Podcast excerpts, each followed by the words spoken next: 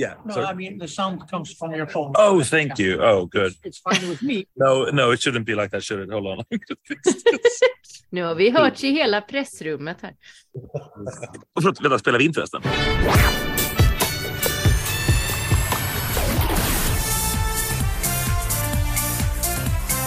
Men då så.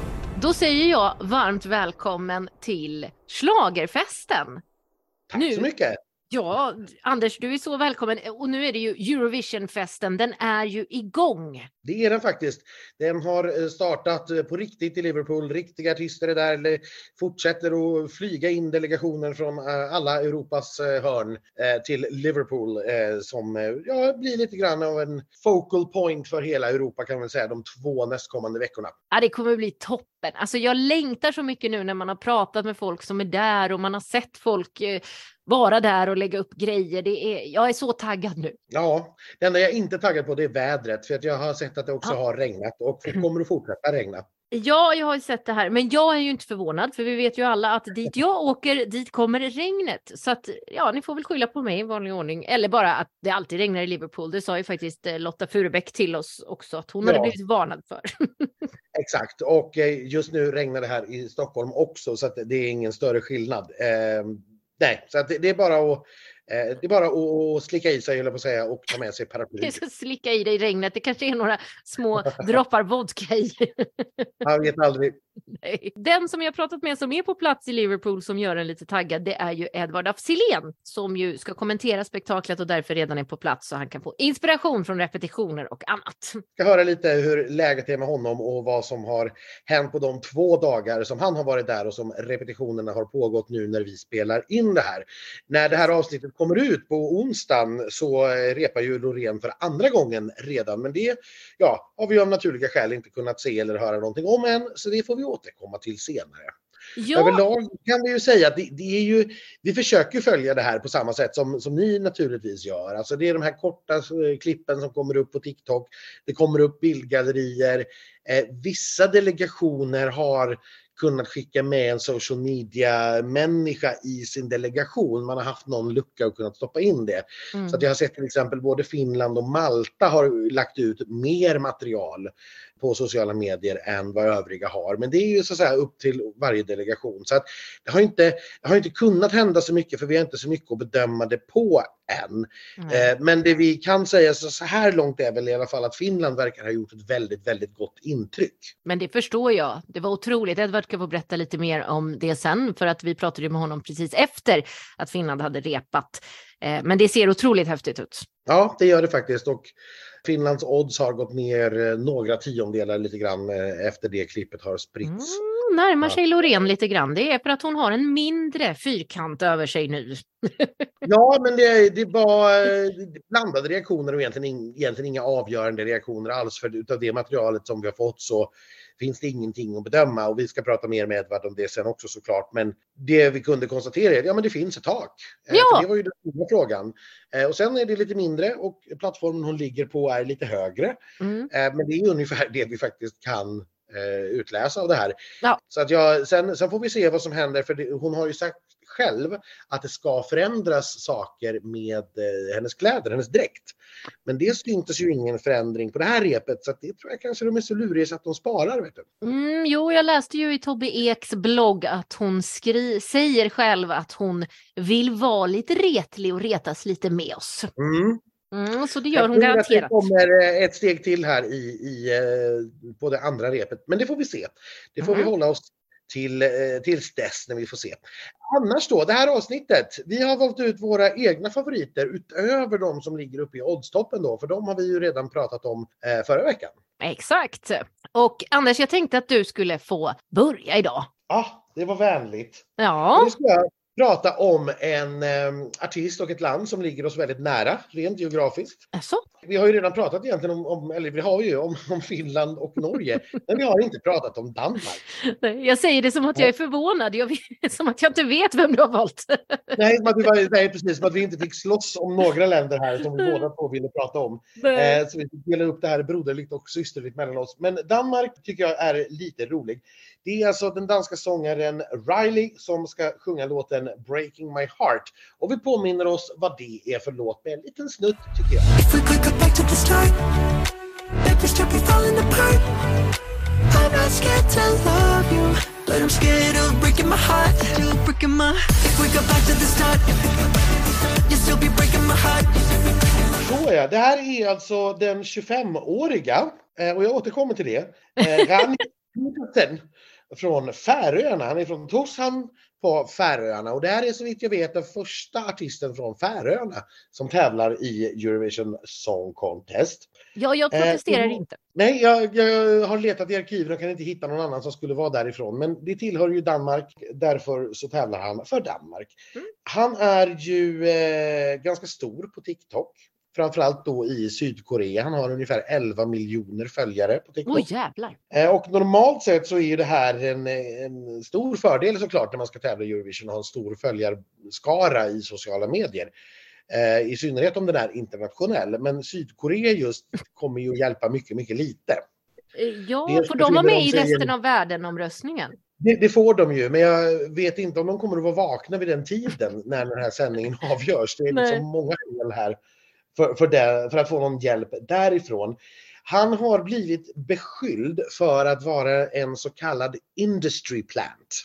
Okej. Eh, och med, med det menar man då att eh, han dök ju upp på liksom, sociala medier. Man vill att storyn om honom ska vara att han dök upp på TikTok och liksom rent organiskt skaffade sig en stor följarskara och sen så blev han då signad till Atlantic Records som är ett av USAs största skivbolag. Eh, Och att de liksom hoppat, eh, plockat upp den här råa talangen som har skaffat sig en stor följarskara. Mm. Eh, Men när man tittar tillbaka på hans första videor och hans första låtar och sådär så ser man att de är väldigt professionellt producerade. Ja. Ja. Eh, Och det är nog dess, så det är nog så att man har nog haft det här kontraktet redan från början. ja okej. Och sen så har man försökt att, så att säga, plantera den här historien. Ja. För det är också så att i då Sydkorea, han sysslar ju väldigt mycket med K-pop och den sortens musik. Så att Sydkorea har varit ett så här, avsiktligt eh, mål för honom att nå ut till. Mm. Där är det väldigt, väldigt viktigt att man är ung och pojkaktigt söt om man ska Just. vara eh, pojkartist. Ja, det är Eh, och då, ja, och det är han. Eh, men han är lite för gammal. 25 är alldeles för gammalt för Sydkorea. Så därför har man hittat på att han var 20 år gammal och eh, att han då är den här self-made personen. För jag menar, tittar man på honom så går det ju inte att säga att han inte är 20 år gammal. Nej, gud, nej, det är som jag. Ja, och jag också för den delen. Mm, ja. Eh, så att när, man, eh, när han tävlade då i Dansk Melodi Grand Prix i vintras så presenterades han ju som en 20-åring som eh, var stor eh, på TikTok i, Syd, i Sydkorea och hade blivit stor där liksom av sin egen kraft. Sen har det här då så här, luckrats upp steg för steg och man har hittat lite olika, så där, olika varianter på andra åldrar. Att vid något tillfälle har han uppgett att han var 22 ja. och sen till slut har man hittat då en artikel, först en artikel eh, i Torshamns lokaltidning ungefär på Färöarna när han sökte till brittiska X-Factor. Okej. Och det gjorde han 2017 och då står det att han var 19. Ja, det går ju inte ihop då. Det går inte ihop. Och sen är det också då någon som till slut har hittat på hans Facebook-wall att han tog körkort när han fyllde 18. Mm. Eh, Och då är det hans körskola som har lagt upp en bild på honom med körkortet i hand och gratulerar både till körkortet och till 18-årsdagen. Ja. Och då utifrån det så kan man då zooma in på den här bilden och se hans födelsedatum och då visar det sig att han, han är ju född eh, 1997 vilket innebär att han är 25 år gammal och inte alls 20 som det då har sagts. Eh, och ehm, ja, Dansk Radio och DR som arrangerar MGP har slagit ifrån sig och sagt att ja, vi vet ju hur gammal han är. Det är klart vi vet. Men, men det här är ju hans narrativ och hans berättelse och den tänker inte vi förändra. Nej, eh, så de har inte ljugit. Nej. De har inte ljugit säger de utan de har bara vidarebefordrat hans berättelse. Mm. För, för mig som var med delvis i alla fall på 80-talet så är det här med industry plants är så här, bara, ja ja, kommer något nytt. Men för, för dagens generation är det tydligen något helt nytt och en del människor har blivit mycket upprörda över att man har ljugit för, eh, för lyssnarna och tittarna. Eh, Ja, och jag läste ju någon artikel om där de frågade just hur gammal han var och han svarade någonting i stil med att han inte har någon ålder för han är som Peter Pan, han åldras inte. Precis, det här var när det här, de här ryktena började komma i svang så ville han inte svara alls. För han Nej. var den riktiga Peter Pan som inte blev äldre. Nej, han Exakt, han ingen försökte undkomma den diskussionen genom att inte svara på frågan. Ja. Eh, lite fånigt kanske, men eh, ja. Han får väl som sagt äga sin historia, så nu vet vi att det är en 25-åring med, eh, med grav åldersnoja. ja, men då, då kommer han och jag komma överens. Så med, med det sagt då, jag tycker att det här är en ganska kul låt. Jag tycker att den är ganska bra. Det känns ju som att den är skriven för att kunna bli en TikTok-hit verkligen över Ja. hela världen. Det tycker jag med. Eh, eh, sen har han ju när han har uppträtt live sjungit rent ut sagt för jävligt. Ja, det har varit lite svajigt. Nej, det har inte varit lite svajigt, det har varit fruktansvärt. Försökte vara snäll. Eh, därför är han just nu på oddset placerad på en elfte plats i semifinalen, det vill säga han Oj. tippas ju att inte ens eh, gå till final. Eh, och ja, jag vet inte, medan vi pratar här så har han varit på scenen och repat. Jag har tittat på lite stillbilder för det har inte kommit ut något rörligt än. Eh, det är ett väldigt snyggt nummer. Jag tror att han kan rädda det här live. Han har mycket backing vocals och så vidare. Så jag tror att han kommer att kunna ta sig till en final med bara televote så att säga. Men jag tror kanske inte att det är en framskjuten placering där. Nej, fanns det inte också lite sådana här plagiat, eller att låten redan hade varit släppt när den tävlade i MGP också och det vart någon grej, men att den klarade Jo. sig. Den är framförd i Sydkorea live. Så var det. Eh, så, men eh, inom reglerna för Eurovision. Eurovision har en mycket bredare tidsspann än vad Just. Har. Mm. Eh, men eftersom den då redan hade vunnit så, så brydde sig inte DR om att göra någonting åt det. Den vann inte telefonomröstningen ska sägas i Danmark utan det var juryn som hade den som etta och bestämde att den skulle vinna. Tittarna hade en annan favorit. Då så, vi tackar eh, Riley. Hette han så på riktigt också? Ja, det gjorde han. Rani! Rani. Rani. Mm. Ja, jag tänkte Ja, det. är, det är danska så det är inte så viktigt. Spotta ur dig något så kommer det att låta rätt. ja, exakt. Från Danmark då ska vi till, ja, vad tycker du vi ska? Österrike kanske? Det är ju en väldigt bra låt. De har också plockat fram en duo som årets eh, Eurovision-bidrag. En duo som från början var två soloartister men som inför Eurovision här slog sina kloka ihop och då låter det så.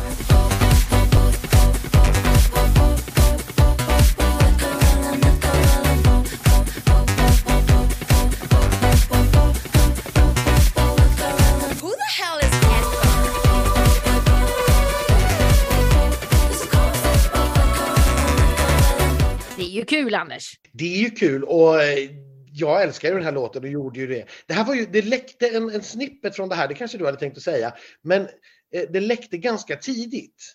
Mm. Och då blev det lite grann till allmänt åtlöje för då hörde man ju bara det här po, po, Po, po, po, po, ja. po. Och alla undrade vad i helvete, rent ut sagt, förlåt svordomen, är det Österrike har hittat på den här gången. Men det, det blev ju bra. Det blev jättebra och på tal om helvete då. Eh, de sjunger ju Hell i den här låten. Och Ja. man får ju inte svära på Eurovision-scenen, det, det vet ju alla. Hell är dock ganska sådär neutralt ändå och det, i låten i sig så är det ju liksom en, en sägning bara.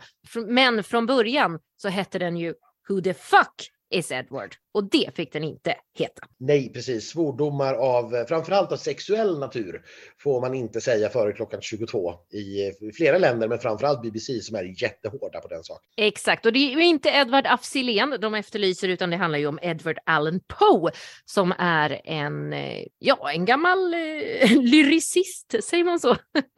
Poet säger man va? Poet säger man. Och man har valt att göra den här, jag kanske ska berätta om tjejerna också, de heter Selena och Salena och Teija heter de, eller Teija och Salena vill de kalla sig som duo. Båda två eh, har tidigare tävlat i österrikiska Eurovision-uttagningen, men båda har sett sig slagna 2019 blev Salina slagen av då Penda, hette de väl.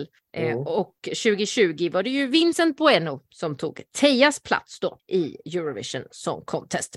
Men förhoppningsvis kan de nu då för första gången ta Österrike till final. Österrike har inte varit i final sedan 2018. Nej, då är det ju på tiden faktiskt. Det borde de väl ha en ganska bra chans att göra. De är eh, etta på oddslistan just nu att kvalificera sig från semifinal 2. Så Mm. det är ju den stora favoriten att ta sig till final och de ligger åtta på oddset totalt sett att ta hem segern. Vet du, en annan sak som jag tycker är väldigt, väldigt rolig med den här låten, det är att man börjar prata om just Edgar Allan Poe. Mm. För det är inte första Eurovision-låten som nämner honom. Är det så? Eh, Det är nämligen så att Frankrike sjöng 1990. Eh, Då var det Joël Ursule som sjöng White and Black Blues. Och där sjunger hon textraden Je me sens dans un conte d'Edgar Allan Poe. Jag känner mig som om jag var med i en scen av Edgar Allan Poe. Jag förstår. De här tjejerna dock, Anders, de är ju besatta av Edgar Allan Poe. Det Det är här, de. det här handlar ju helt enkelt om att man gör en satirisk låt där man eh, helt enkelt pratar om det som du och jag har pratat mycket om i tidigare poddar och ofta tar upp, att kvinnor inte får tillräckligt med utrymme och cred för det de gör i musikbranschen. Och det är ju det det handlar om helt enkelt. Så de säger då att om jag säger att jag är besatt av den här Edgar Allan Poe, det måste ju vara enda anledningen till att jag är så framgångsrik. Och då kanske jag Mm. kan bli lite rik för en gångs skull. Som kvinna blir man ju sällan det i musikbranschen annars. Så det är också lite kvinnokamp och det gillar jag. De upprepar ju den här frasen 0.003. Mm. Och det är ju den allmänna, vad ska jag säga, vedertagna uppskattningen av hur mycket en eh, Spotify-ström ger i betalning och då naturligtvis i euro. Mm. Eh, Så att 0,3 eller 0,003 euro per ström. Mm. Eh, Och därefter kommer ju då också textraden att ja, om två år så har jag betalt min middag. Exakt, och då ska, då ska jag bjuda dig på bensinmax-champagne. Ja, vilket naturligtvis låter helt främmande för oss svenskar med Systembolaget. Men Ja. en helt naturlig sak i Österrike. Exakt så är det. Men du var ju lite inne på en rolig sak. Eh, Jag har inte hunnit kolla upp någonting om det här, men man är orolig för då att Hell är en svordom. Sen nämns ju faktiskt också ett varumärke i den här låten och det är ju skivbolaget Universal. Ja, men det verkar ju vara okej. Okay. Jag antar att låten ligger på Universal och att det på något sätt då inte räknas som reklam. För vad ska vi konsumenter göra med Universal Nej. Music? Alltså, Det är, väl, det är väl ungefär så. Man, man, man räknar det inte som ett otillbörligt gynnande. Nej. Ungefär så. För det är ju det är inte reklam per se som är förbjudet utan det är ju just otillbörligt gynnande av varumärken. Det får man inte göra. Och då menar man väl att det kanske inte är någonting som en konsument har ett val i ungefär. Men eh, känner du dig nöjd så här? Jag älskar ju att du alltid gör mer research än mig. Så att jag plockar fram den som min favorit, jag berättar baserna och sen sitter du på all annan information. Det är så härligt. Ja, absolut. Nej, men jag är nöjd så. Jag är jättesugen nu på att höra hur Edvard har det nere i Liverpool. Så från Edgar till Edvard då? Ja, precis. Hur är läget i Liverpool? Det är riktigt härligt eh, faktiskt om jag ska vara ärlig. Jag sitter i arenan och följer repen och har precis påbörjat första sidorna på manuset till CM1. Hur, hur känns arrangemanget? Är det liksom stabilt? Vet de vad de gör? Ja, det känns väldigt sådär brittiskt självsäkert. vi vet hur man gör det här. Det var vi som uppfann det engelska språket. Alltså den feelingen. Så att alla är väldigt lugna och jag ser ingen stress. Kort sagt i motsatsen till Italien. Ja. det känns ändå skönt tycker jag. Det här är ju första gången för dig också nu på några år som det är liksom covidfritt. Eh, hur känns det? Kalv på grönbete? Ja, nej, det, det, det är märkligt. Det känns som att covid liksom inte har hänt. Det är som att det där var tre år, nu är det bara tillbaka till vanligt igen. Och det är ganska få. Vi, vi pratade lite om, och vi mindes tillbaka till den, den märkliga veckorna i Rotterdam då vi satt utanför arenan varje gång vi skulle in och testades och vi var så nervösa för om det var positivt så skickades man hem. Eh, Och man var livrädd för att smitta artisten också. Så att, eh, nej, det där känns som jättelänge sedan. Nu är det tillbaka till vanligt igen. Härligt. Eh, hur är arenan? Arenan är eh, ljus och eh, fin och Eh, alltså, ja, det känns som att man går på en konsert. Alltså det är en sån vanlig konsertarena. Hur funkar eh, scenen nu när du har sett ganska... Du har ju sett rep här nu i ja, men två dagar nästan. Hur, eh, hur funkar den? Ja, men det här kommer bli jättebra. Så, det känns, så känns det bara. Alltså, det känns bara pålitligt och snyggt. Scenen är stor såklart, men den är väldigt, väldigt elegant tycker jag. LED-golvet ser otroligt ut. Um, greenroom ute i publiken som vanligt. Våra bås där uppe. Jag har varit och besökt det svenska båset som ser toppen ut. Så att det är nästan märkligt odramatiskt. Tråkigt ja, har du inget spännande att bjuda på de andra? Det är tråkigt när allting funkar va? ja, men du såg ju Loreens rep igår antar jag. Hur, hur var det? Det var jättefint. Alltså det var eh, så väldigt fint att se henne gå upp på scenen. Och sen så ska inte jag prata så mycket om de tekniska aspekterna. Det låter jag delegationen göra. Men efter första rep är alltid ett första rep. Det är ett väldigt avancerat eh, scennummer som kräver mycket och eh, det kan man inte förvänta sig att allting sitter på första repet. Men vi är på väldigt, väldigt, väldigt fin väg och engelsmännen känns väldigt lyhörda eh, för det svenska teamets önskemål. Jag tror att det är lika viktigt för BBC som för oss på något vis att det här numret inte går fel. Hur känns Loreen då? Eh, Alltså det är ju, hon är ju fantastisk alltså. Helt fantastisk. Levererar alltid. Hon är en krigare. Otroligt fin med alla omkring sig. Det är liksom en det är ju många år sedan hon tävlade med Euphoria. Är en äldre kvinna som är här nu än den tjejen som sjöng Euphoria. Hon känns så otroligt grundad, lycklig i livet. Hon, jag tror alla andra artisterna slås av hur, eh, hur, trevlig, hon, och hur trevlig hon är att göra med. Hon ger tid till alla andra artister. Så att man märker att hon är en, en favorit här nere för väldigt många. Och det är kul att se. Det märker man ju i kommentarer och så online, både på Twitter och Facebook och TikTok och sådär. Att det är ju en... Är det så? Ja, det är få artister som har den typen av support i så många länder. Det är ju väldigt många som stöttar sina egna såklart, men det här det. att det verkligen, eh, hon, hon slår brett. Eh, det är något annat. Det, det är lite speciellt, så brukar det inte vara. Framförallt inte för oss svenskar. Nej, verkligen inte. Och nu har Loreen också fått fascination för det spanska bidraget. Så nu går hon mycket i hotellet och sjunger på det där sättet som den spanska artisten gör. Jag säga, går det att sjunga den spanska låten? Det är väl mest... eh, wow. Jag säger att det är svårt att höra melodin, men det låter bra. Ja, Jag, jag såg faktiskt någon video för några veckor sedan när eh, Blanca Paloma, alltså eh, spanjorskan, hon, hon, hon sjöng Tattoo fast på spanska. Så hon hade gjort en liten översättning av verserna där. Så de verkar ju ha hittat varandra. Ja, det är det, det som har hänt också. Gud vad trevligt.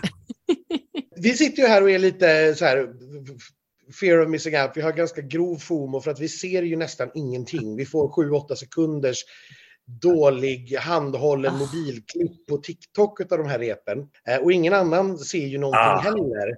Vad, vad tycker du om att repen nu är helt stängda? Första repen var ju stängda även tidigare, eller alltså även i Turin till exempel. Men Ja. vi kommer ju inte få se någonting alls förrän genrepet på måndag. Eh, Wow. Vi ser ju ingenting alls. Vad, vad, hur känner du om det? Jag tycker nog att det är märkligt om jag ska vara ärlig. Buzz-möjligheterna och att folk pratar om det och diskuterar det till leda är ju också en del utav organismen som är Eurovision. Och att bli av med det tycker jag känns synd. Det är en puls som försvinner. Jag kan tycka att det är bra att man stänger det första repet. Därför att eh, online-kommentarer och den typen av saker blir ju hårdare och hårdare för varje år. Det är en hårdare ton och det är nervösa artister. Och att bli så hårt sågade som de kan bli efter ett allra första rep tycker jag är onödigt. Så jag kan tycka det är skönt om man får göra det själv, för det är svårt. Man måste tänka, tänka själv att man kommer liksom till en helt Mm. ny scen, helt ny ljudutrustning, nya in-ears ofta. Alltså det, det är väldigt mycket nytt och att då direkt bli bedömd tycker jag är hårt. Men att ni inte är med på andra repen är nästan lite ofattbart tycker jag. Mm. Jag kan bara hålla med.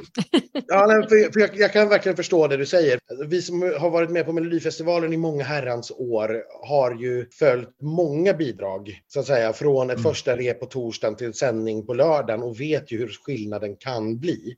Men det är klart, har man inte den insikten och får se ett första rep och tror att det är så här det blir nu, då, det kan jag också förstå. Men jag, jag tycker också att andra repet, eller att man åtminstone släpper några längre snuttar eller liksom någonting som gör att Det det, finns någonting att rapportera och prata om. För nu är det som sagt, nu har vi sju, sju sekunders handhållen mobil och några stillbilder. Det är allt vi har att diskutera. Folk diskuterar ju lika mycket i alla fall, men de gör det på det istället för på vad som faktiskt Ja, det är väldigt. Det man, det är alldeles för lite man får då för att diskutera så mycket. Men det är sant, folk måste förstå processen. Jag, jag skulle inte heller släppa in en publik på mitt första, min första repetition med en ny teaterföreställning. Utan man vill ju få komma till en punkt innan man visar upp det eh, och eh, så att säga blottar halsen. Men det är också intressant tycker jag att se konsekvensen av online det hårda språket. Jag såg precis Nederländerna tävla nu Mm. och eh, det var liksom att se två stycken skadeskjutna artister gå upp på scenen. Ja, de har ju blivit var- så sågade. som sågade var, de var så nervösa första genomdraget här, alltså det allra första, att Mm. de höll tillbaka så mycket som man tänkte, bara, men hörni, alltså de fuckade inte upp det, men de, de sålde det heller inte för att de var så nervösa att sjunga fel. Mm. Och då vill man ju bara gå ner och, gå ner och krama då. Ja. De har ju faktiskt eh, höjt sin låt med tre halvtoner och kommit fram till att det ska låta bättre, att de ska kunna sjunga det bättre i den tonarten. Och det är klart att byta tonart på låten från det man har repat i flera månader, hux flux, är ju också en osäkerhetsfaktor såklart. Då blir det ju faktiskt mycket lättare, så då kan de slappna av sen. Mm. Har du repat i en tonart och sen får en en och en halv ton högre när det gäller så är det lite läskigt. Det får jag ju. Faktiskt. Ska vi höja den här podden med en och en halv tonart? Se vad som Ja. händer. Vi provar! Sen är det mycket, det är mycket skönare att lyssna på. Jag tycker vi låter gladare så i alla fall. Det gör vi faktiskt. Ja. Har du några personliga favoriter i år? Som, eh, antingen som du har upptäckt nu på repen eller som du liksom så här, de här ser jag väldigt, väldigt mycket fram emot att se live. Ja, alltså idag var en dag som jag faktiskt verkligen såg fram emot att komma ut hit. Därför att vi har haft Finland som precis repade som är en stor favorit för mig. Och han gick precis av scenen efter att ha repat nu. Och det, det, det, det numret tycker jag inte gjorde någon besviken. Vår svenska bänke då, som är iscensatte har tagit ett steg till. Det är mycket renare och snyggare, lite mindre, lite mindre rörigt. På gott och ont kanske, men, men jag tyckte det var urläckert. Det startar med att han är i en, i en låda som liksom har levererat till eh, England från Finland och han är fast i den här lådan med sina dansare och bokstavligen boxar sig ut ur lådan med sina dansare. Det, det, det är ett urkul nummer och over the top på precis rätt sätt. Är det några som du ser fram emot och eh, få skriva manuset om extra mycket? Ja, det gör jag. Alltså, jag såg precis Tjeckien repa också med en jättefavorit för mig. Där var ju nervös hur det skulle, jag tror många var nervösa hur det skulle låta och se ut på scen. Eftersom att låten gör sig så jädra bra på, på, på inspelning. Det såg fantastiskt ut också. Så, att, så att, eh, jag vill nämna Tjeckien också som en, en stor favorit. Något jag längtar efter att skriva om, Anders. Det, är- alltså just nu sitter jag och har väldigt kul med den danska artisten. jag har börjat liksom gräva nu. Det är, en, stor diskussion kring hans ålder. Har ni hört om detta? Han kallar sig Peter Pan eller något liknande. Ja, det är en fruktansvärt rolig historia. Ja, det är otroligt. Och det här, det här är ju en dröm för mig att skriva om. Och, jag, och det hade också varit en dröm för mig om SVT gick ut och sa att jag var 30. Ingen Ja. var gladare än jag. Det är Edvards narrativ, det får han äga. Ja. Han har kommenterat i 12 år nu, men han är 30. Ja. exakt. Har du några namn som är omöjliga att uttala som du nu liksom får slita hårt med i veckan som kommer? Jag har inte kommit dit än. Jag har precis börjat nu och jag ser, jag ser några konstiga namn som liksom framför mig på vägen som bara väntar på att slå mig i ansiktet. Jag är på väg dit. Men vi har en sån bra sittning med alla kommentatorerna och då hjälper vi varandra att uttala varandras namn. Så de uttalar jättekonstiga liksom, kroatiska bandmedlemmar till mig och jag lär dem att säga ren. Ja, ja, men för det här är ganska roligt. Jag har sett några videor faktiskt. Där diverse fans, Ja. det finns ju såna här som redan sitter och direktsänder från Liverpool hela dagarna och de pratar om ingenting i timme Mhm. efter timme. Och de har nu lärt sig att säga Loreen på svenska. Det är bara det att deras uttal som de har tagit ifrån är från Farah, så de säger det på skånska. Loreen. Jätteroligt. Och jag blev alldeles varm i hjärtat. Jag stod med Thomas Gesson igår på hotellet och så slog det mig att det är liksom i princip 20 år sedan nu som han då, Jimmy Jansson, klev in. När Jimmy Jansson var, vad kan han ha varit, 17 år gammal och sånt och sjöng i The Poets Mm. en låt som hette What difference does it make som då Thomas Mm. skrev. Och nu då drygt 20 år senare så är de tillsammans i Eurovision och Jimmy Jansson får för första gången tävla i Eurovision som låtskrivare. Mm. Det vilken fin resa. Ja, det är Ja, rörande. det är det verkligen. Eh, Han har ju med två låtar för säkerhets skull dessutom, den gode Jimmy. Ja, dessutom. Ja, det är kul för honom. Vilken grej. Hörru, jag tror faktiskt att det var vad jag kände att vi behövde fråga om just nu, va? Eller har du någon mer, Elaine? Det? Eh, nej, värm upp pubbarna åt oss. Det, det är det jag vill att du tar med dig. Det lovar jag att göra. Det är också i princip det enda som finns när man går genom stan. Det enda som finns är liksom Nandos och pubbar. Så jag värmer upp. Det är inget fel på Jag Nandos. Älskar Jag kan, Nandos. jag, kan, jag, kan sluta, jag kan sluta med att säga att vi bor ju på ett eget hotell, svenska delegationen. Alla andra delegationer bor på andra hotell, ofta tillsammans. Men vi bor på liksom ett eget hotell har, har det råkat bli, som heter Titanic. Och jag har väl aldrig i mitt liv hört ett sämre omen än att storfavoriten som bor på hotell Titanic. så här sagt så slipper jag ångest över det. Ja, det är bra. Men då tackar vi 30-åriga Edvard då och så ses vi om några dagar. Ja, det gör vi absolut. Ni är så himla välkomna hit. Det blir kul att se er. Och eh, tack för snacket. Ja, man längtar ju som sagt ännu, ännu mer när man pratar med en som är där. Ja, och jag tyckte det var jätteroligt att han också tycker att Danmark är en sån fantastiskt rolig historia. Men det Eh, är det ju. Ja, det är faktiskt det är, det är jätte, jätteroligt. Historien är ju roligare än låten om vi ska vara helt ärliga. Ja, så, så måste man säga. Men jag tänkte prata lite grann om en lite otippad favorit för mig som jag när jag hörde den första gången verkligen inte hade trott skulle finnas på min lista över favoriter. Det här tycker jag ju på riktigt är någonting som jag, jag blir ganska glad av detta eh, och det är Slovenien. Oj då! Ja, och det här är ju lite så här, ja men funkigt nästan. Och det Ja. vet ni det tycker ju inte jag om. Nej. Eh, men, men ja, vi lyssnar lite och påminner oss hur det låter. Mi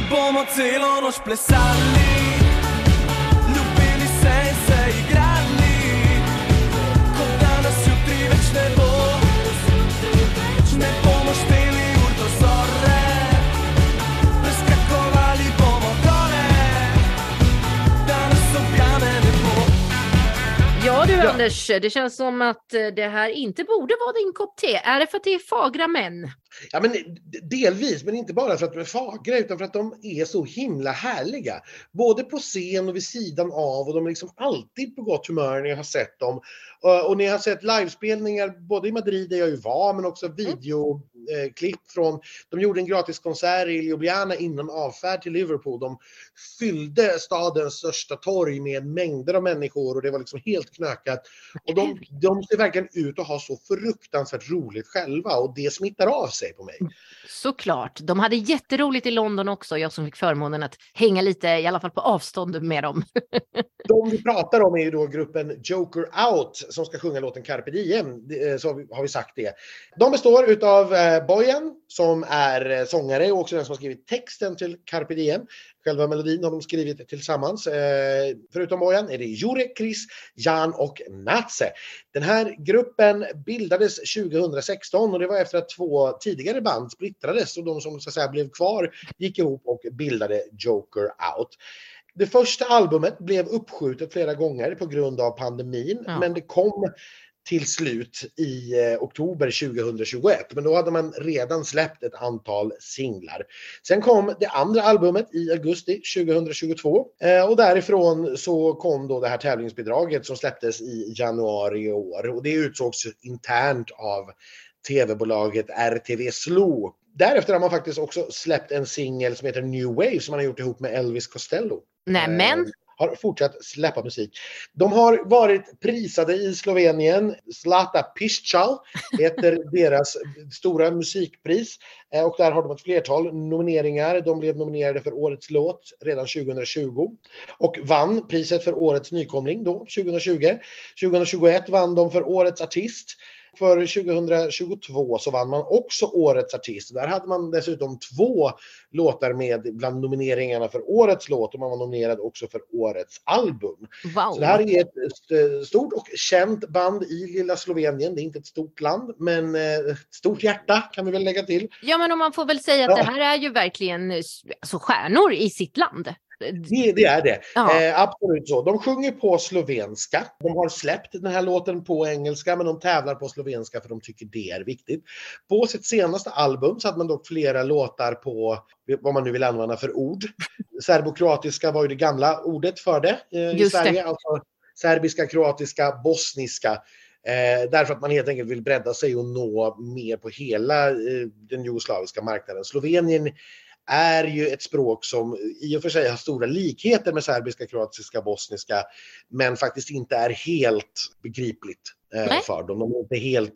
Serbiska och kroatiska är ju samma språk fast de skriver det med olika alfabet i princip. Men, men, eh, men just slovenska är lite annorlunda. Eh, vi kan väl jämföra det med danska kanske. Ja, Jag älskar det här. Vi får även en språkkurs. Mycket Ja, det är bra. lingvistik som vanligt när jag eh, ger mig på någonting. Nej, men och, eh, ja, jag, ska, jag ska bara säga, de är mellan 23 och 29 år och så har vi liksom koll på läget. Det är sköna grabbar helt enkelt. Mm. Eh, och jag ja, har inte jättemycket mer att säga om det. Hur tror du att det kommer gå? Eh, nej, men jag tror att det kommer att gå helt okej. Jag vet att de har en fanskara där ute. Sen kommer det kanske inte vara med allra högst upp. Men det går till final. Ja, de är ju med i semifinal 2 som ju anses vara betydligt enklare. De ligger just nu på sjunde platsen i den semifinalen att ta en finalplats. Mm. Så jag, jag tror att man är på den hyggligt säkra sidan. Så får vi se hur det går där. Men jag, jag tror att det här är eh, en låt som gör sig bättre live helt enkelt därför att då får man se dem. Ja, gud ja. Det är viktigt i det här sammanhanget. Mm.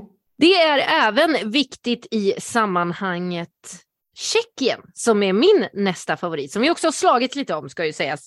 Den här låten nämnde ju också Edvard. Eh, Jag hann precis innan vi gick in och spelade in här se det lilla korta TikTok-klippet och du förstår väl att jag blev ännu mer kär i det här då. För dessa sex damer är ju helt klädda i rosa. Ja, helt. Mm. Det är så Med fint. flätor. Med flätor. Långa Mm. flätor dessutom. Bandet kallar sig för Vesna. Och vet du, Vesna, Anders, det är ett kvinnonamn. Okej. I Sverige finns det 899 Vesna. Mhm. Och Vesna betyder eh, vår, ungdom, vårglädje och frodighet. För Vesna var nämligen en slavisk vårgudinna. Minsann. Ja, det visste du inte hoppas jag. Det visste jag inte, men då är vi tillbaka på den här eh, hednisk eh, tid igen, på samma som vi var inne och, och rotade med tjom för, för två år sedan. Eh, Exakt. Samma mytologiska uppsättning där. Ja. Exakt. I övrigt har jag inte läst på så mycket om vårgudinnan Vesna, men bandet Vesna startades i alla fall av Patricia Kanok, tror jag det uttalas. Jag kan ju inte de här krylliska bokstäverna, men jag tror det. Mm. Ja. De bildades Alltså de har funnits i, Patricia har haft det här bandet och det har kommit och gått lite medlemmar ska jag säga. Så jag tänker inte gå igenom alla. Jag hoppas det är okej. Ja. Eh, Under covid-19 så eh, släppte de ett eh, lockdown-album som så många andra. Det hette Anima och det handlade då om drömska saker, att det var någon form av drömvärld och hit och dit. Då, som ni förstår så är de lite sådär, inte flummiga. Men du förstår vad jag menar när jag säger flummig. Lite konstnärliga, så kan vi väl säga. Ja, de hade en radioetta i Tjeckien med låten Na Dracic Prutic som då betyder On the wings of a dragon. Så där har ni liksom. Den här eh, låten är ju på tal om då språk på hela fyra olika språk, Anders. Mm. Engelska, tjeckiska, ukrainska och bulgariska får man in i den här låten som också handlar om kvinnokamp. Man skulle kunna tro att det finns ett tema här när den kvinnliga programledaren bara väljer kvinnokampslåtarna. My Sister's Ja, men- Crown heter den. Vi ska väl lyssna på den, förlåt. Eh,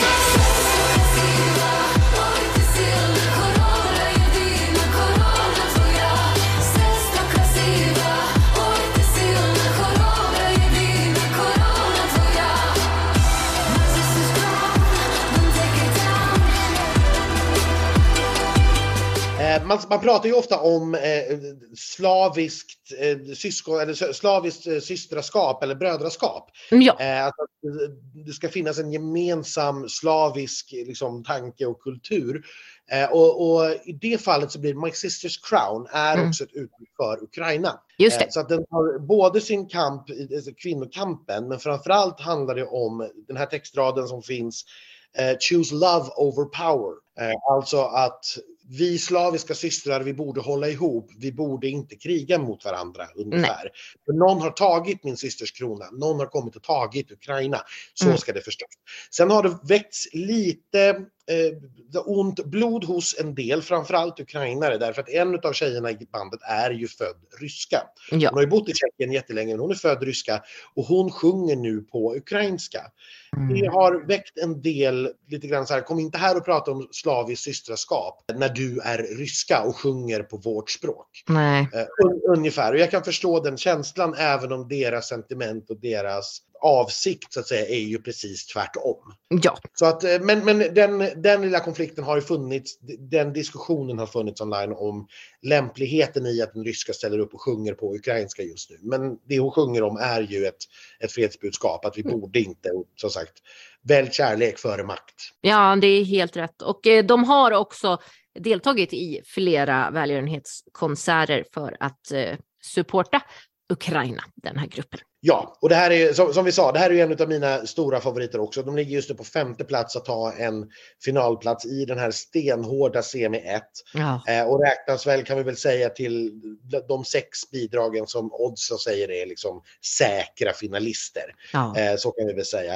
Eh, de befinner sig också hyggligt högt upp ändå, elfte plats totalt sett att ta segern. Så att där är de kanske inte riktigt, men det skulle ju kunna vara så, för jag tyckte också det här numret var snyggt, att de är med och utmanar om sin bästa placering någonsin. Och det är ju Mikolas Josefs sjätte plats i Lissabon 2018. Just det. det. Jag tycker den är så, den är ju lite sådär magisk och fairytale-aktig som de eh, själva eh, vill beskriva sig. Så att, eh, nej, underbart. Då ska vi då, vi har hållit oss i Slovenien och Tjeckien och nu ska vi tillbaka till Balkan då igen vad jag förstår. Jajamensan, vi ska till Kroatien, mitt favoritturistland. Ja, det förstår jag. Och jag är lite glad att få ha med deras bidrag här bland mina tre favoriter.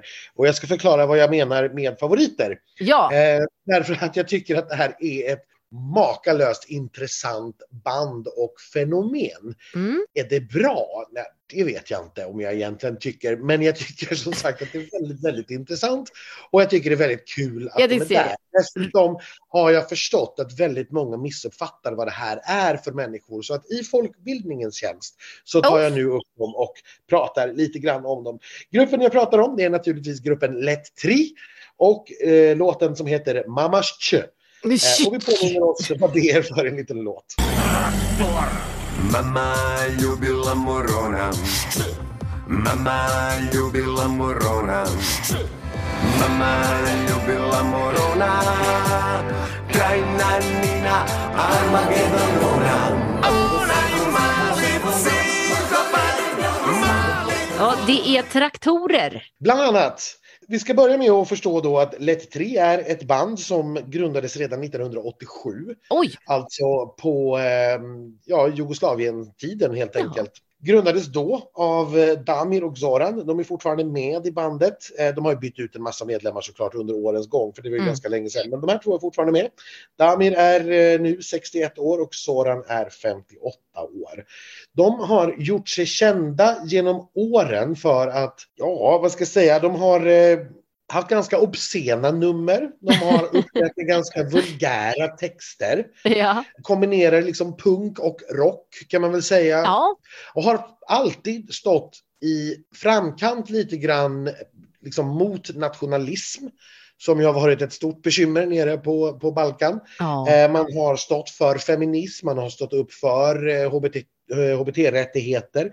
Man har gått emot den katolska kyrkan som eh, när de har tyckt och saker om äktenskap eller aborter och så vidare. Eh, och det har man alltså gjort redan under Jugoslavientiden. Mm. Eh, så att man har stått längst fram under väldigt, väldigt lång tid. Eh, bara för att ge några exempel så eh, år 2000 till exempel så skapade man, eller man, man ska, ja, byggde en stor staty i brons, fyra meter hög. Och jag ska inte säga vad den hette. Eh, Ni som förstår, förstår. Den hette eh, Bavin Kurats. Och jag behöver inte översätta det. Eh, nej, tror jag. För då, då, sånt, sådana ord ska vi inte ha här. Nej, Eh, då blir det- den det nedplockad podden. Sånt som absolut inte får sägas före klockan 22 i brittisk tv. Ja. Nej, men det var i alla fall en kvinna med mustasch och en ganska stor fallos, så kan man väl säga. Snyggt. De, den har också vandrat runt i kroatiska städer. De har vid ett tillfälle gett ut en helt tyst CD. Ja. Där det inte var någonting inspelat på. Den sålde ungefär 350 exemplar. Man gjorde också en musikvideo till den. Det var en blå bakgrund utan ljud. Eh, det här fick de ganska mycket kritik för, så då kontrade man med att deras nästa album gavs ut i ett exemplar och det vägrade de att sälja. Nej, men gud vad roligt. Och eh, på det här viset så har de liksom hela tiden provocerat i, på många olika sätt. Eh, Ja. och de ställer nu då upp i Dora, den kroatiska uttagningen som ja, återuppstått. Den låg nere några år på 10-talet men nu har den återuppstått och faktiskt fått ganska stor uppmärksamhet i Mm. år. Eh, delvis på grund av Letteri såklart, men det har också producerats stora hit ifrån den festivalen som gör att tittarintresset faktiskt är på väg upp just nu i Kroatien. Den här låten då, Mama Sh, är en bokstav i det ryska kyrilliska alfabetet. Just det. Eh, Det kyrilliska alfabetet är ju egentligen inte ett alfabet utan de ser lite olika ut beroende på vilket språk eh, som använder det. Och i det serbiska kyrilliska alfabetet, då, alltså det som användes i forna Jugoslavien, så finns inte den här bokstaven med. Eh, S med tak och C med tak transkriberar vi det till när vi använder det latinska bok, eh, boks, eh, alfabetet, men sh finns bara i det ryska. Så när man säger mamma sh så pratar man om mother Russia. Okej. Eh, Det är också därför man i låten rabblar upp hela alfabetet. För att verkligen bevisa att det finns inte här. Eh, Och det ska ju då tolkas eh, som att vi har ingenting med Ryssland att göra. Vi må vara slaver och vi må dela närbesläktade språk och vi kan till och med dela alfabet. Men ni finns inte här. Nej. Traktor, det är ju ett ord som alla begriper, eh, handlar ju om att Lukasjenko, eh, då, Belarus president, på Putins födelsedag, 70-årsdagen förra året, gav honom en traktor. Ja.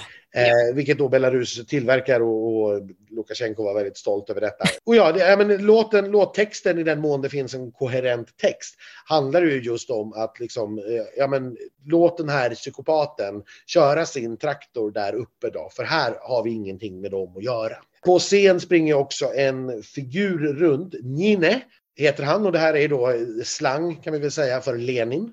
Han är ju utklädd som Lenin Mm, men det kan mm. man naturligtvis inte låta honom heta utan han får heta Nine och eh, springer runt med raketer då med pyroeffekter på för att de kommer att dra sig in, den här idioten kommer att dra sig in alla i krig om han får som han vill. Ja. Det här är en extremt uttalad antikrigslåt. Den är så tydlig den kan vara i sin spets både mot Putin, mot Lukasjenko och mot Ryssland utan att använda just något av de tre orden. Och det är det jag tycker är så smart. Man har kommit runt det här. Mm. Eh, alla förstår precis, men man har, ja, ingen har i alla fall protesterat mot att det skulle vara för politiskt, men det råder inget tvivel om vad det här skulle vara.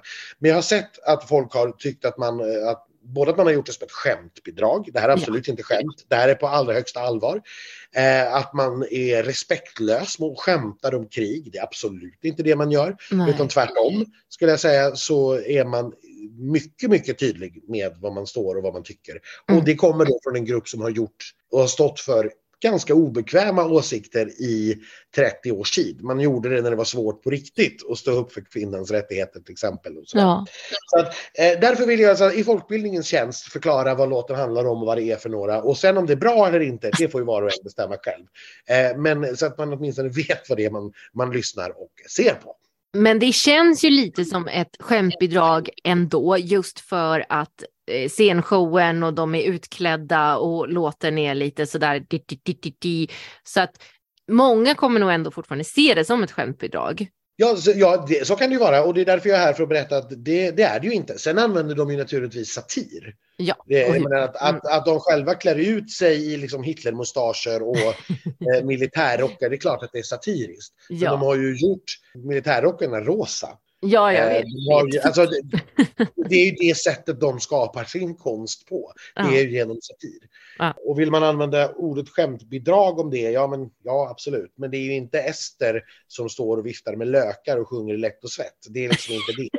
Här finns det, de, de vet precis vad de vill, här finns ett budskap. Det här är ju en låt som vill någonting. Exakt. Vill man bara göra en antikrigslåt och inte vågar någonting, då blir man ju Schweiz. Det är då Mm. man sjunger, åh det är så läskigt med vapen. Åh, jag vill inte vara en soldat. Nej, jag vill inte leka med riktigt. Jag vill bara skjuta med vattenpistoler. Då, då, Alltså, då blir det man är så där. tråkigt Anders. Ja, det är så, det- usch vad jag inte tycker om Schweiz. Men det är en helt annan diskussion. Ja, Eh, Han är men jättegullig. Ja, det- men men eh, nej, det, det är Kroatien. Jag tror ju, för det här är semifinal två. De har Serbien med sig i sin semifinal. Enligt oddsen så hänger de lite grann på gärdsgården. Just nu är de tippade på nionde plats att ta en finalplats. mm. Eh, hade vi haft en jury här så tror jag de hade varit ganska chanslösa. Men med bara tittarröster så tror jag att de kommer att kunna knipa en finalplats. Och det är första finalplatsen på länge för Kroatien i så fall. Jag har inte koll på när, men jag skulle gissa 2017. ja det var, länge sedan var det i alla fall. Det kan vi Ja. konstatera. Tråkigt för att Kroatien är ett härligt Eurovision-land. De, kan, alltså, de har väldigt, väldigt bra musik i det landet. Tyvärr skickar de aldrig det till Nej, Eurovision. exakt. Det var Det var länge sedan i alla fall. Ja, men väldigt tradiga ballader istället som ju ingen lyssnar på ens i Kroatien. Därför tycker jag de förtjänar en finalplats när de nu vågar chansa. Och sen som sagt, om jag, det här är ju naturligtvis ingenting jag skulle sätta på på en Spotify-playlist. Självklart inte. Nej. Men som tv-underhållning och som, som konstverk och så tycker jag absolut att det har sin plats i Eurovision-final. Bra! För min sista favorit är ju någonting som man däremot gärna sätter på på sin Spotify-lista skulle jag vilja påstå. Det handlar Och ju som redan om... är i finalen dessutom. ja, exakt. Allra sist ut Mm. är ju värdlandet Storbritannien. Man skulle kunna tro att det var något fuffens med lottningen där, men, men det, det vill jag inte tro. May Muller heter den här tjejen. Hon är 25 år gammal och kommer ifrån London. Det roligaste beskrivningen tyckte jag var hon skriver honest sassy pop music. Jajamän. Eh, hon är absolut ingen nykomling. Eh, hon har eh, vunnit en massa priser i Storbritannien, eller i alla fall varit nominerad för dem. MTV EMA och VMA Awards har hon varit nominerad till. Och hon har även varit i USA och haft en topp 10-hit där. Platinum-säljande singeln Better Days. Då fick hon också uppträda på Jimmy Fallon och The Voice i USA. I Storbritannien har hon bland annat varit på turné med en av mina favoritgrupper, Little Mix. Hon var förband på deras 2019-turné och hon har över två miljarder strömmar på TikTok och YouTube, Anders. Ja, det är ju inte klokt. Hon är nominerad eh, också till eh, P3 Guld 2022 i Sverige med Naked. Eh, Så att eh, precis den här Better Days som du nämnde. Ja. Eh, Så att hon har ju nått viss framgång även här. Jajamensan. Sen Kan vi var... lyssna lite på hur den låter? Ja, förlåt, det ska vi såklart göra. Instead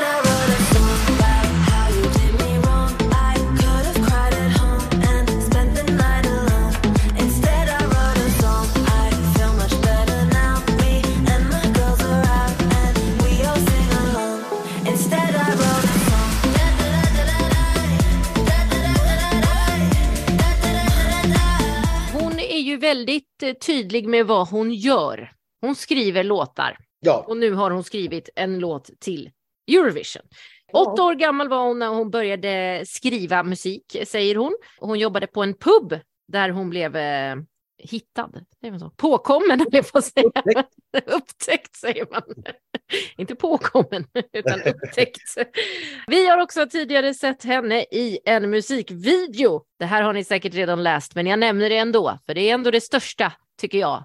Det är att hon då eh, var med i Mikas Grace Kelly-video och det var hon av den enkla anledningen att hennes moster är musikvideoregissör. Mm. Och eh, Mika, ja den anknytningen har vi ju till att han var programledare förra året, så vi knyter ihop säcken lite grann med Turin här ja, det får man säga. Ganska snyggt gjort. Ja, nej men tack för det, tack för det. Eh, väldigt gullig tjej, fick såklart stor uppmärksamhet i London på Eurovision-partyt där det märks att britterna äntligen står bakom sina bidrag. Det har de ju inte gjort på länge eftersom att BBC har valt skit. Ja, bara, bara det faktumet att Sam Ryder fick en sån stor framgång, det är ju ett uppsving, alltså enormt eh, nu i år måste man säga för intresset i Storbritannien.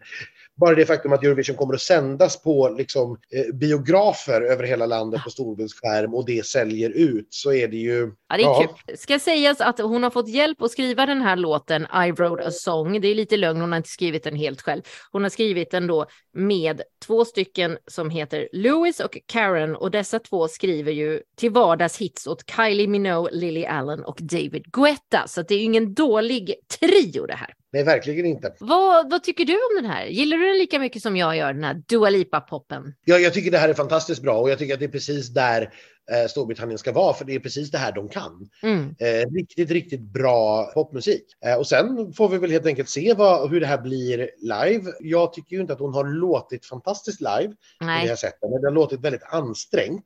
Mm. Kanske inte direkt dåligt, men ansträngt. Men vi hoppas att hon får hjälp med det och att de kan stagea det så att det låter fantastiskt i Liverpool. Men det är klart att när hemmaartisten får gå ut sist Ja. inför ett kokande M&S Arena, det kommer ju, ja, det kommer ju att lyfta det taket. Ja, det kommer vara Det, otroligt. det, det är lite avundsjuk på för de som har fått biljetter till finalen. Eh, jag är inte jätteavundsjuk på priserna de har betalat för det, men att eh, jag skulle väldigt, väldigt gärna fått uppleva det inne i arenan. Jag tror att det kommer att vara fullständigt magiskt. Och sen hoppas jag och, och tror att de klarar i alla fall en topp 10-placering. Det Så att de känner att de är där. Att, ja, men, så här, de, har, de har liksom på något vis knäckt en kod. Att, Mm. ja, men nu fattar vi vad vi är. För då kommer liksom nästa seger ganska snart. Det tror jag med. Men du Eh. kommer ju vara hyfsat nära arenan i alla fall, Anders. Du kommer ju få titta i pressrummet och, och Ja, det är ju en eh, arena i sig. det, det är det. För det, det kommer inte vara lika övervägande del med, med galna britter tror jag. Nej, det kommer det eh, inte vara såklart. Den är just nu på just tiondeplatsen på oddslistan. Mm. Jag, jag hoppas att den klarar en topp 10. Det hoppas jag Det med. är väldigt, väldigt bra för tävlingen. Det man alltid är orolig för med Storbritannien är ju just stagingen dock. Så jag vågar inte säga eh, någonting om vad jag tror förrän jag har sett ett litet repklipp på det här. Nej, det ska bli väldigt, väldigt spännande. De har ju gjort en väldigt, väldigt snygg och påkostad video. Jag de. hoppas att de försöker behålla den känslan, den stagingen. Snarare kanske än som Sam Ryder att bara släpa in ett liksom stort schabrak till rymdskepp. Men de här vi har sett tidigare med de här stora trumpeterna och allt vad det vi har genomlidit genom åren. Ugh. Nej, jag hoppas att de har tänkt till och gjort det bättre i, i år. Jag misstänker att det kommer vara lite dansare och sånt där, för det har hon ju haft på sina partis eh, lite mer Ja. eh, festligt så att säga. Eh, inte, hon kommer inte sitta och skriva en låt, vilket annars Storbritannien är bra på och vilja göra liksom bokstavliga staging. Aha, hon skriver en låt, sätt henne vid ett studiobord med papper och penna. Ja. Ja, exakt. Ja. Man vet aldrig i och för sig med BBC, så att vi, vi, vi säger inte mer om det. Eh, Men där är ju jag klar med mina, men vi ska väl ändå säga att alla de här sex är ju faktiskt tillsammans våra favoriter. Eh, Vi har ju som sagt fått dela upp det den här gången för att det finns inte så mycket att välja på. Nej, alltså för, för när vi tittar på oddsfavoriterna och lägger på de som vi nu har pratat om, där bakom är det faktiskt, tycker jag generellt sett, väldigt mycket sörja. Alltså, Ja. Det är inte nödvändigtvis dåligt allt, men det finns väldigt lite jag bryr mig om. Ja, Eh, och jag kunde inte liksom bry mig mindre om det är final eller inte, om det kommer på 12 plats eller 24. Jag är helt ointresserad av det. ja. Eh, och det är en väldigt, väldigt stor sån grupp i år. Och sen har vi naturligtvis några allra längst ner i botten som jag ju aldrig någonsin vill höra igen. Men Nej, som jag ändå ska tvingas leva med i två veckor. Det är ett hårt liv som, som mellor eller schlagerreporter. det är det verkligen. Ja, nej men jag tycker att vi nöjer oss där nu och sen så återkommer ju vi, ja, så snart som möjligt när vi är på plats i Liverpool båda två. Ja, så här är det ju. Eh, Vi kan väl uppdatera om vårt schema för den som är intresserad. Jag åker ner till Liverpool på torsdag, kommer förhoppningsvis bevaka lite eh, nordisk eh, välkomstfest och lite sånt där. Sen dyker Anders upp på lördag.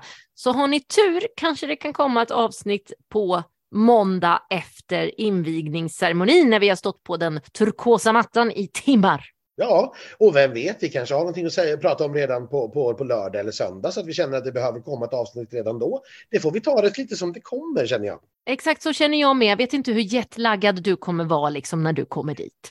Nej, det är ju bara en timmes tidsskillnad så jag tror att jag överlever den. Däremot är det ju en väldigt tidig morgon jag ska upp, eh, så att vi får väl se. Men eh, ja, vi, vi märker det. Allra senast i alla fall kommer det på måndag och då kommer det ju dagliga uppdateringar därefter. Men ni följer oss såklart på Instagram under tiden där vi också heter Schlagerfesten. Kanon Anders, tack för idag! Tack själv. Vi ses i Liverpool. Det gör vi! Goodbye mate!